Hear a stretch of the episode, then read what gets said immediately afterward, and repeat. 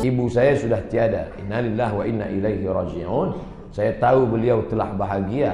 Alhamdulillah. Tapi selalu hati ini belum merasa ikhlas.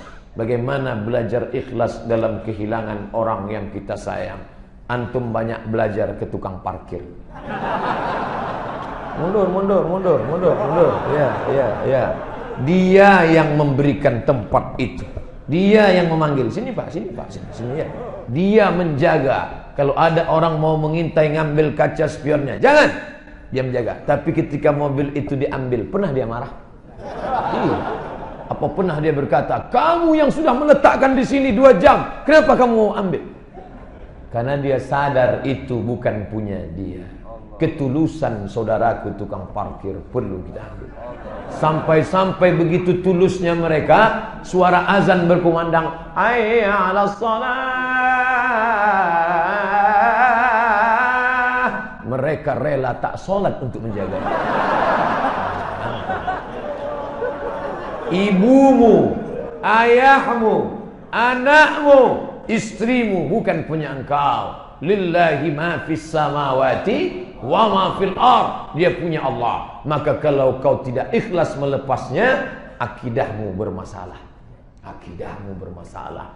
Kau lebih cinta kepada dia, lalu kau katakan cintamu la ilaha illallah. Apa maknanya? La mahbuba bihaqqin illallah. Tidak ada yang lebih dicinta kecuali Allah Subhanahu wa taala. Maka ada yang lebih cinta kepada dia. Siapa? Allah. Kalau kau tak ikhlas melepas dia, dua bermasalah. Pertama, cintamu lebih besar kepada dia daripada kepada Allah. Yang kedua, kau meragukan cinta Allah. Kau katakan kau lebih cinta pada dia daripada kepada Allah. Perbaiki akidah. Ustaz enak ngomong aja. Yang kehilangan ini kan aku, ibuku. Maka aku pun belum tentu setegar engkau ketika ibuku meninggal dunia. Makanya bunyi ayatnya watawasau dua orang saling menasehati. Hari ini saat kau kehilangan ibu, aku yang menasehati. Tapi saat nanti emakku sekarang umurnya 70 tahun. Saat kalian dapat kabar ibuku meninggal, kalianlah yang akan memposting video subuh ini. Bagaimana memperjuangkan niat baik untuk menikah. Tapi orang tua tak merestui. Kenapa dia tidak restu dengan pernikahan? Apa sebab? Cari kronologis latar belakang. Dia tidak setuju karena calonmu itu beda suku. Jelaskan dengan dia. Papa mama nggak setuju karena sukunya apa? Aku tidak suku calon menantuku itu orang Minangkabau. Oh, mama jangan macam-macam. Buya Hamka dari mana? Dari Minangkabau. Aku tidak mau suku karena istrimu itu orang Batak. Mama jangan macam-macam. Ahana Sution dari mana? Batak. Aku tidak setuju karena dia orang Makassar. Mama baca dulu. Sultan Hasanuddin dari mana? Dari Makassar. Ternyata yang kau sebutkan itu orang baik-baik semua anak. Iya. Tapi aku tetap tak yakin menantuku ini. Maka antum doa. Solat hajat dua rakaat. Yang pakai usolli, usolli sunnatal hajat. Hajatnya sebut dalam hati lillahi ta'ala. Yang enggak pakai usolli, enggak pakai usolli. Allahu Akbar.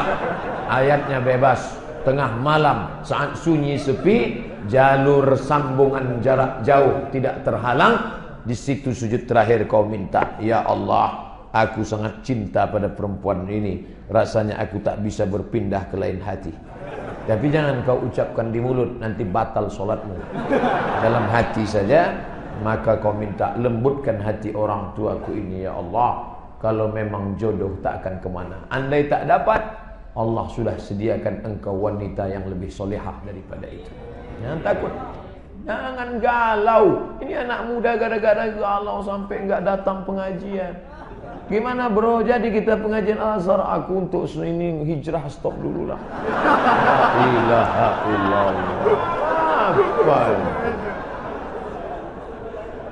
Antum yang muda-muda, ganteng-ganteng kok galau gara-gara saya aja yang sudah tua kurus begini, nggak ganteng. Antum baca komen-komen di YouTube nih, berapa banyak. Bagaimana menyikapi fitnah akhir zaman saat ini di medsos? Allahumma inna na'udzubika min fitnatil madsus. Selamatkan kami dari fitnah medsos.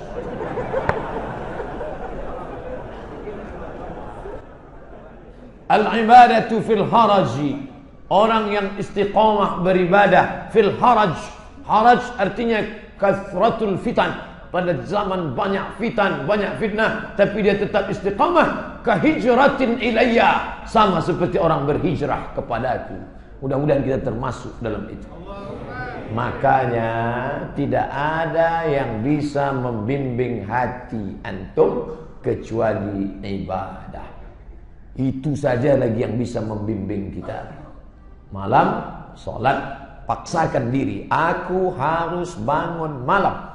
Saat itu koneksikan dengan Allah, Allah tidak akan membiarkan antum tersesat. Allahumma ja'al fi qalbi nura. Berikan dalam hatiku cahaya. Wa fi sam'i nura pendengaranku cahaya. Wa fi basari nura pandanganku cahaya. Wa an yamini nura sebelah kanan cahaya. Wa an yasari nura wa min amami nura wa min khalfi nura wa min fawqi nura wa min tahti nura. Wa ja'al li nura. Berikan aku cahaya the likeness pencerahan Antum datang ke Masjid Al-Azhar ini jam 12 malam, matikan semua lampu, buka mata antum. Nampak?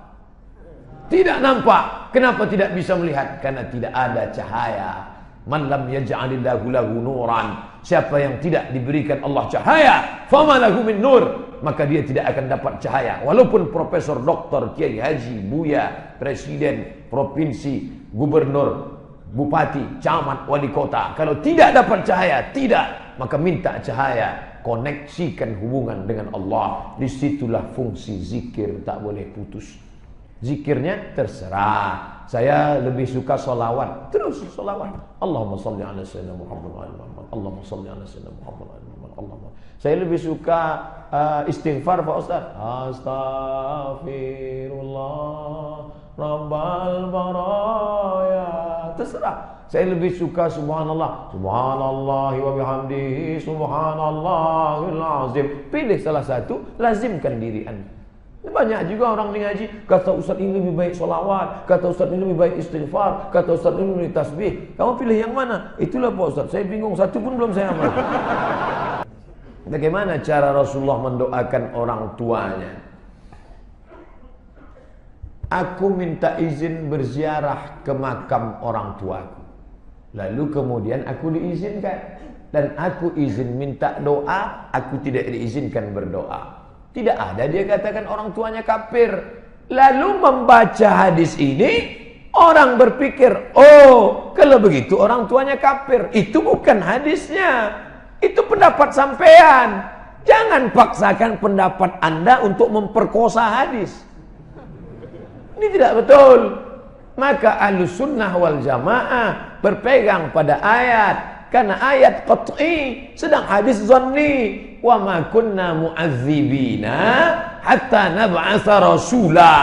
Kami tidak mengazab suatu kaum sampai mengutus rasul. Maka Abdullah dan Aminah termasuk ahlul fatrah. Itu sudah disepakati.